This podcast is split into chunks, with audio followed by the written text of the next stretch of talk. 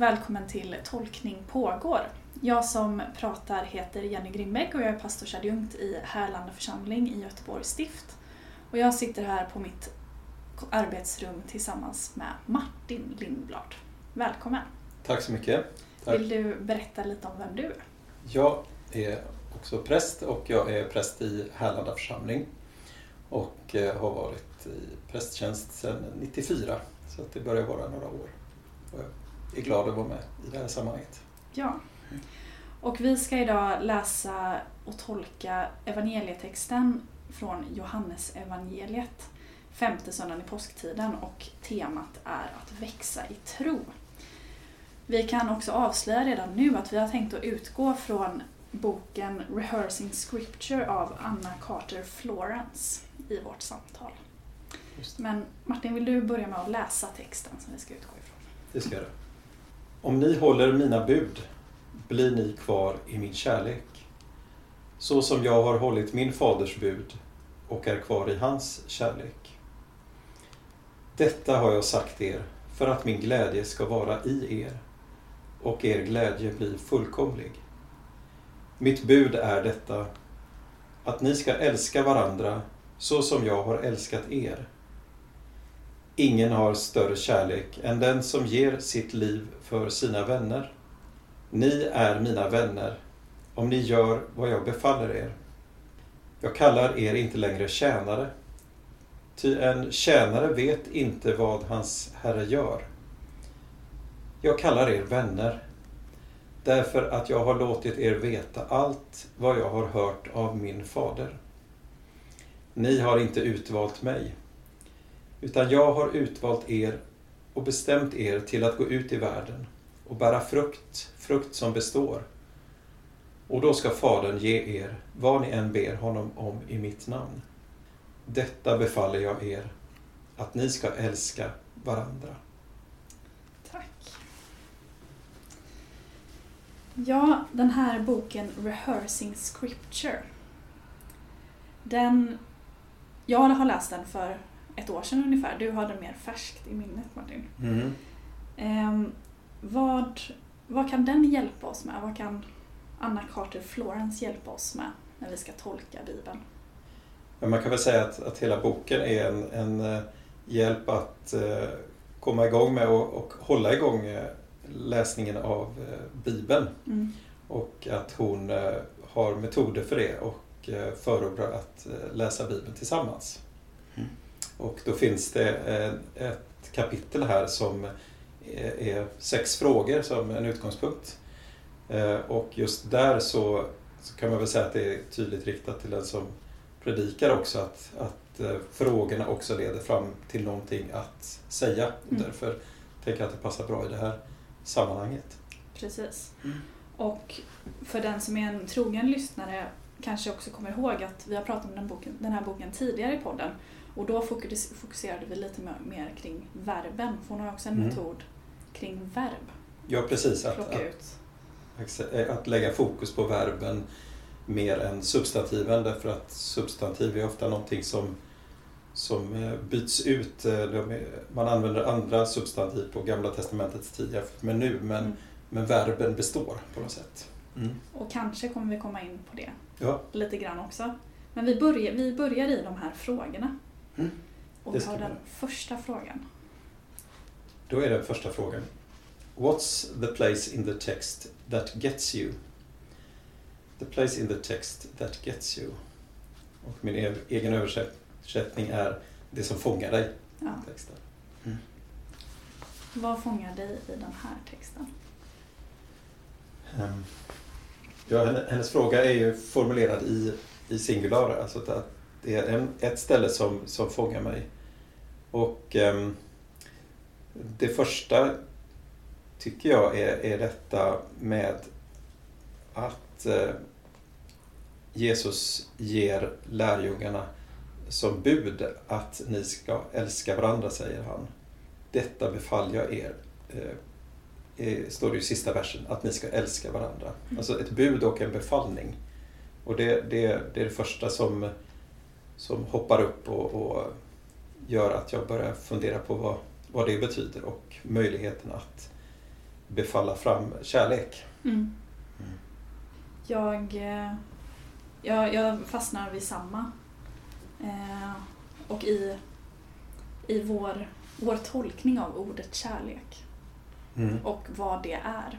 Att det, det på något sätt blir en, i tolkningen av denna texten så blir det också en uppmaning i att gräva lite kring och fundera kring vad kärleken är.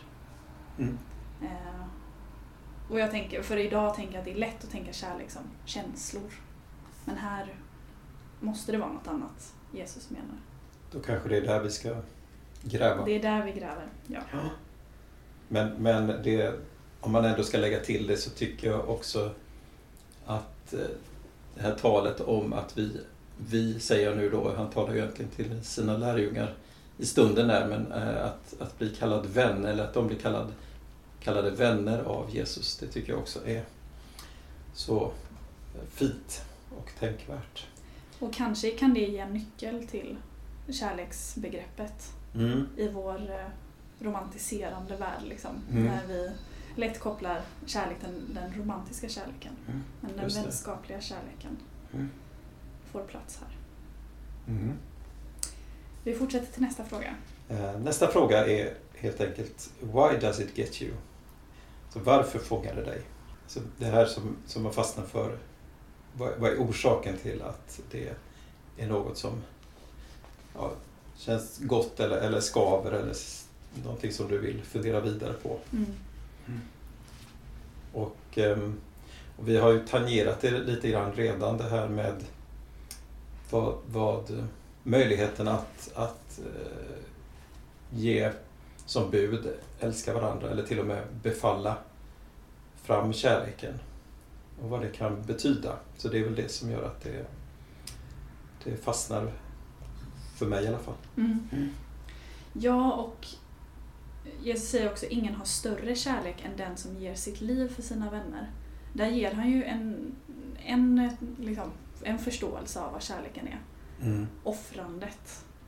Eh, och att ge sitt liv. Och det kan jag bli lite provocerad av. Eh, vid första Mm. anblick. Ja, Vad... Eh, just det. Ja. Tänker du att han, att, han, att han inte bara syftar på sitt eget offer utan också förväntar sig samma ja, offer från vännerna? ja, precis. Mm. Eh, och det tror jag att han gör. Mm. Och vad är, det, i- vad är det i det som, som stör dig? Eller jag vet inte vad du använder för ord. Men... Nej men det provocerar mig lite. Ja. Eh, och det är vid, ja, men vid första anblick att, att det är ett, en befallning. Men det finns ju också som en grundklang i den här texten så finns ju Jesus kärlek. Mm. Det är den som ges först liksom. Mm. Och det är den som sen ges vidare. Så Precis. det blir, det blir mitt eget svar på min egen känsla av provokation. Ja. Men är inte det också en nyckel, tänker jag, att eh, nu är det versen precis innan det stycket jag läste, eller som är söndagens text då. Ja. Liksom Fadern har älskat mig så har jag älskat er, bli kvar i min kärlek. Alltså att fadern, eller kärleken börjar med Gud, Fadern och Mm. eh, förs vidare till Jesus och så vidare. Så att därifrån är, har kärleken sitt ursprung. Ja. Mm. Men det här med, att, med budet och befallningen, vad tänker du kring det? Går det att befalla till Ja, kärlek? Om kärleken är någonting eh, som vi, som vi gör och inte känner så, så är det ju möjligt, även om det inte är enkelt, att eh, fånga in på ett sätt vad det handlar om. Alltså vad, in, vad innebär det då? Det är ju nästa fråga.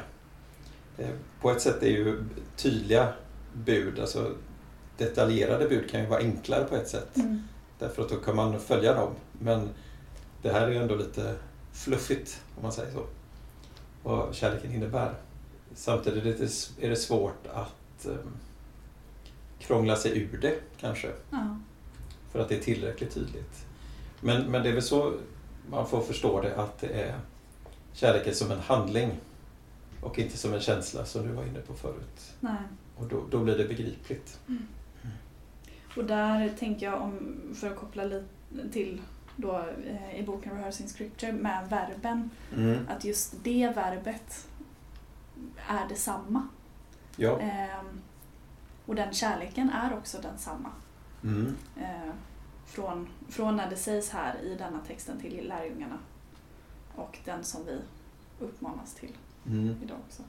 Och det är den samma kärleken från Gud som vi förväntas att leva i relation till Precis. varandra eller Precis. medmänniska.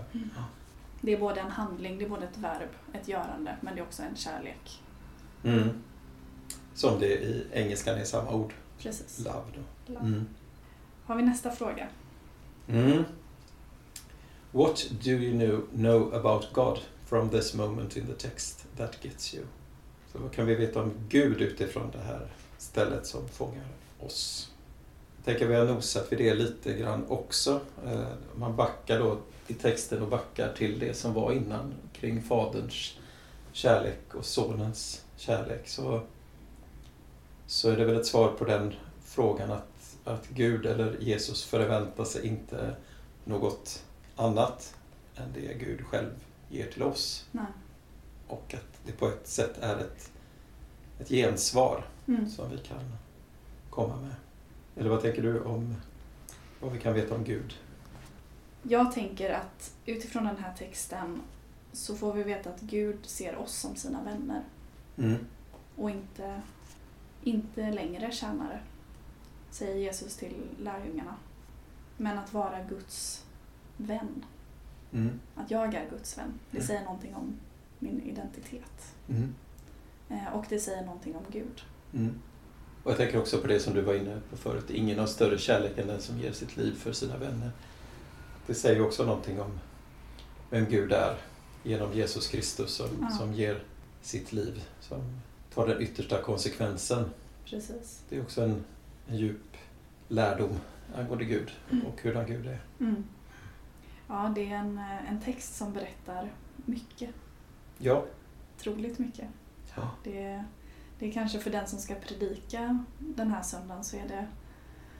Ja, det finns många vägar att gå. Ja, det gör det verkligen och jag tänker att det... Och det här te temat är återkommande också hos Johannes och eh, i breven. Mm. Kärlekstemat, så det kan väl finnas trådar åt olika håll också. Mm. Den fjärde frågan. Mm. Du tangerar ju den eh, när du sa den som ska predika. Den lyder så här. Why does your community need to hear this today? What do you know about God? Why is it important to tell them? Jag tror jag upprepar det. Why does your communi- community need to hear this today? What do you know about God? Why is it important to tell them? Vad behöver folket höra? Mm. Och varför är det, om det då är viktigt att, att höra om kärleksbefallningen och att den har sitt ursprung i Gud själv. Mm. Vad, vad, hur berör det människors liv? Och varför behöver de få den kunskapen eller det budskapet?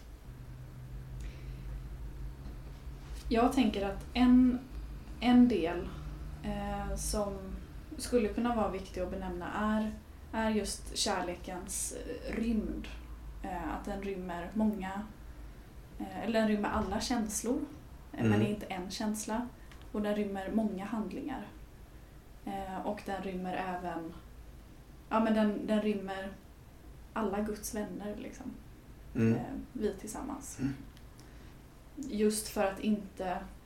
Jag, jag tror att det, kan, det skulle kunna vara en, en risk att predika över den här texten att människor som lyssnar, att man har en bild av vad kärleken är. Eh, och att man själv känner att jag har ingen kärlek i mitt liv eller jag har ingenstans att rikta min kärlek i mitt liv eller så. Mm. Och i det, att det är, det är Guds kärlek som vi förvaltar. Mm. Tänker du att det är viktigt att, att få människor att, att, upptäcka att det finns kärlek i deras liv som de kanske inte har tänkt på? Ja, Mm. Mm. Den, den är ju... Det är mycket i texten som vi har sagt eh, och jag tänker också att det är väldigt tydligt. Är, är en del som man kan lyfta fram som ett, som ett väldigt starkt evangelium kring det här med Guds kärlek och att vi är vänner. mm. Men det finns också en lagdimension i det, att, att vi får ett bud och en befallning. Mm. Att, att älska.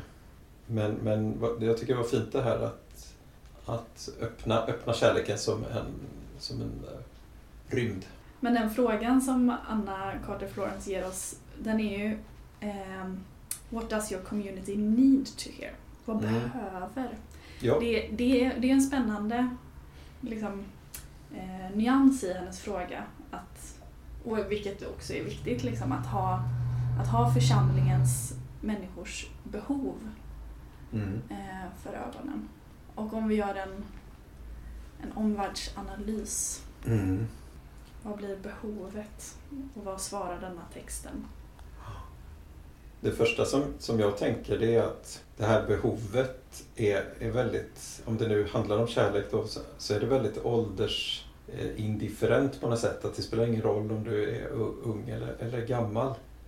Därför att du kan leva med en känsla av att du inte är älskad och det kan gälla alla människor. Så ibland tänker vi att vad behöver vi säga till konfirmanderna och vad behöver vi säga till gamla Greta som alltid har suttit där. Men i, det, i den här frågan så tror jag det kan vara ganska lika eh, faktiskt. Att Mm. man behöver påminna om den kärleken. Men, men samtidigt så de, behovet hos, hos de som är där så kan det ju också vara på en skala där, där någon känner sig väldigt älskad av olika anledningar och så kan det finnas någon som, som är upplever sig oälskad och Mm. eh, behöver påminna om, påminnas om Guds kärlek. Så det, det, som vanligt är det, är det svårt att veta. Men vad tänker du om det? Vad, vad är behovet? Ja, men jag sitter och funderar på vad, vad motsatsen till kärlek är. Eller motsatsen till att känna sig älskad. Om det är, det kanske kan vara flera saker, men ensamhet eller rädsla eller oro. Och att det, och det tänker jag är känslor som, eller det tänker jag är platser där människor befinner sig mycket idag. Mm. Oro, ensamhet, rädsla.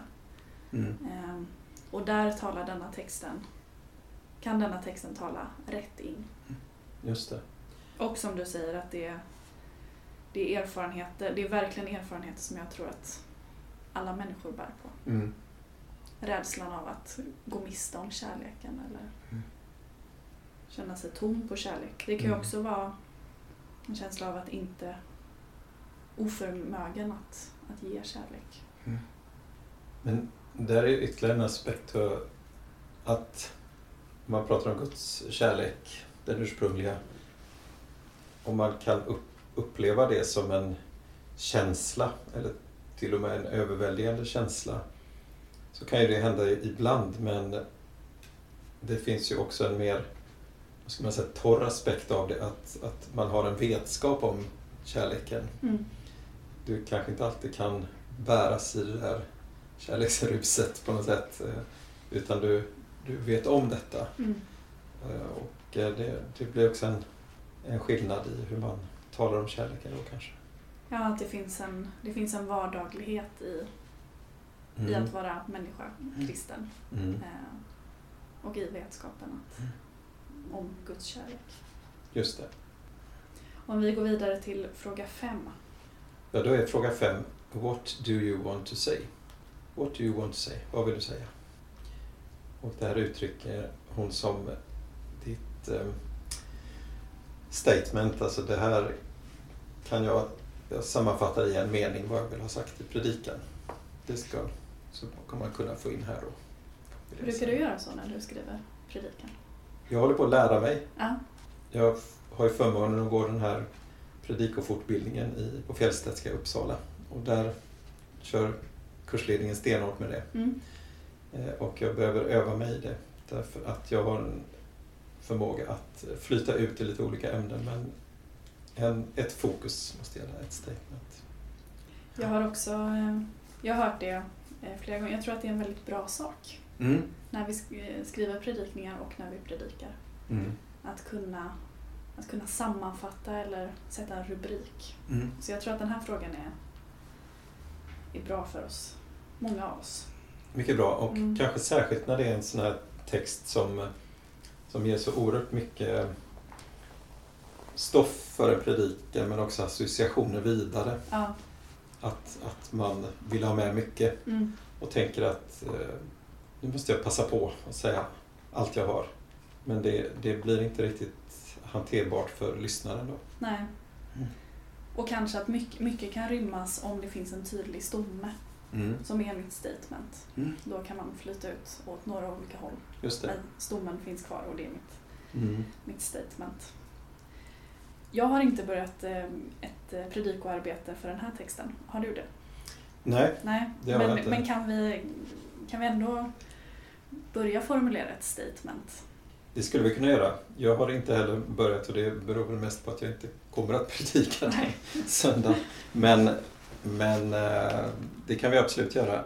Bara pröva lite tankar. Ja, Någon, någonstans tänker jag att det här som du lyfte fram förut med att ge sitt liv för sina vänner.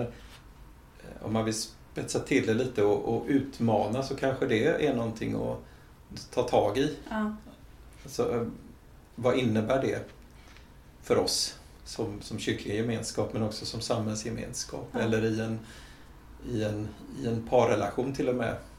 Eller i en familj Mm. att, att eh, ge sig själv som ett, som ett offer. mm, Men det är ju en, det är en ganska besvärlig sak på många sätt. Jag tänker att det är ju någonting som emellanåt har, har förväntats på ett väldigt knepigt sätt, inte minst av, av kvinnor kan man ju säga, eller underordnade personer, att, att offra sig för det högre goda eller offra sig som en soldat i ett, i ett krig eller sådär.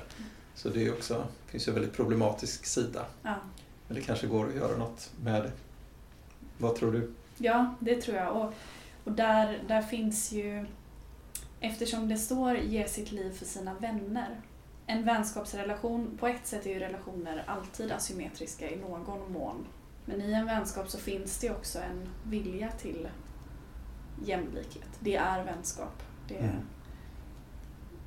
Så därför, det, det gör det ju enklare att prata om att ge sitt liv eftersom det är för min vän. Mm. Mm. Det är inte en överordnad som kräver mitt liv. Utan det är någon jämbördig. Just det. Det är lite spännande för är inte det nästan den relationen som är mest jämbördig på ett sätt? Vänskapsrelationen. Eh, För att den är så...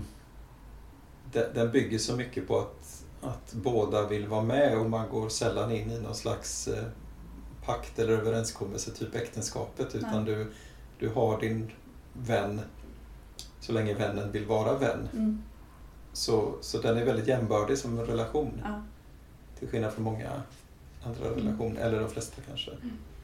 Jag och en vänskap har inte, ja som du säger, det finns inga yttre ramar på det sättet som ett äktenskap eller en familj blir. Utan vänskapen, där byggs ramarna och strukturerna av Mm. de olika parterna. Och till det hör väl den här klassiska frågan hur, hur avbryter man en vänskap? Mm.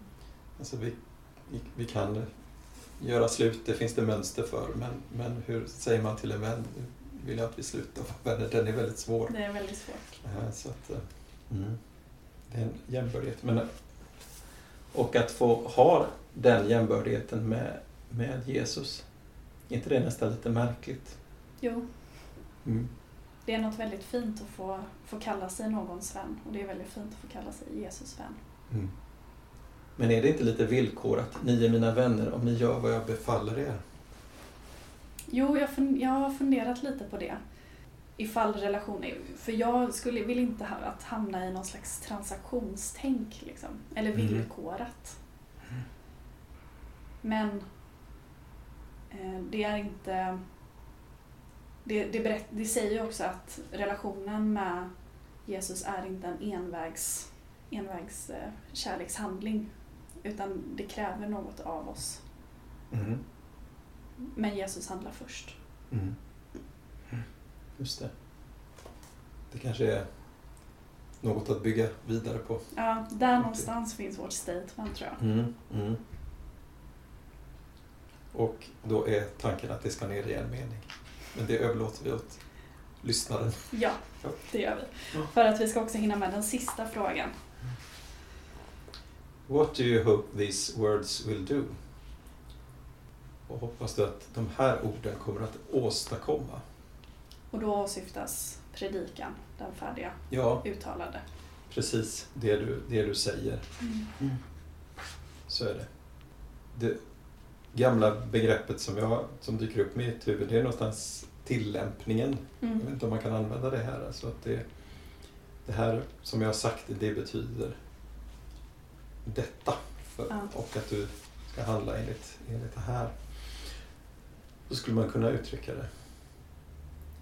Men att den som lyssnar också får med sig någon slags em, tanke om vad det betyder mer konkret för mig, Mm. där jag står, är väl också ett syfte. Ja. Eller hur förstår du?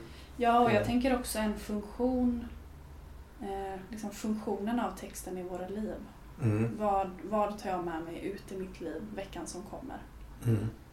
Var, var kan förändring ske? Eller var kan min blick ha vidgats? Eller? Mm. Och, och vad skulle det vara i det här resonemanget kring vänskap, kärlek, bud och befallningar? Kanske en så enkel sak som att vi pratar ju ofta om våra medmänniskor. Och, men att eh, en övning eller en uppmaning att se varandra, både den jag känner väl, den jag inte känner så väl och den jag inte alls känner. Att ha vänskapens blick på varandra. Mm. Att se människorna på spårvagnen eh, som mina vänner.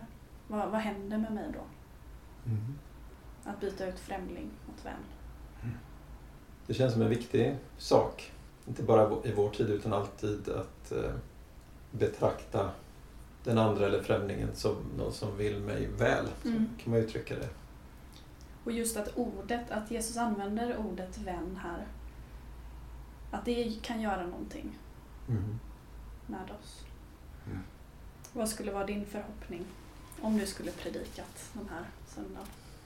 Jag tror att om, om du lyfter fram det som någon slags tillämpning eller konsekvens eller övning till och med så tänk, då kan jag balansera upp det med, med detta att försöka med orden åskådliggöra Guds eh, kärlek och eh, att det är den vi lever i och av och att det är den som är utgångspunkten Mm. för att inte hamna i eh, fåfäng prestation utifrån egen kraft. Så tror jag att det- det är någonting som jag skulle vilja få med. Guds egen kärlek. Bli kvar i min kärlek. Och med de orden så börjar vi avrunda här. Mm. I beskrivningen till det här poddavsnittet så finns detaljer, fler detaljer kring boken som vi utgått från i det här samtalet. Rehearsing Scripture av Anna Carter Florence. Tack Martin för att du ville vara med i Tolkning pågår. Tack för att jag fick vara med. Och till dig som har lyssnat, på återhörande.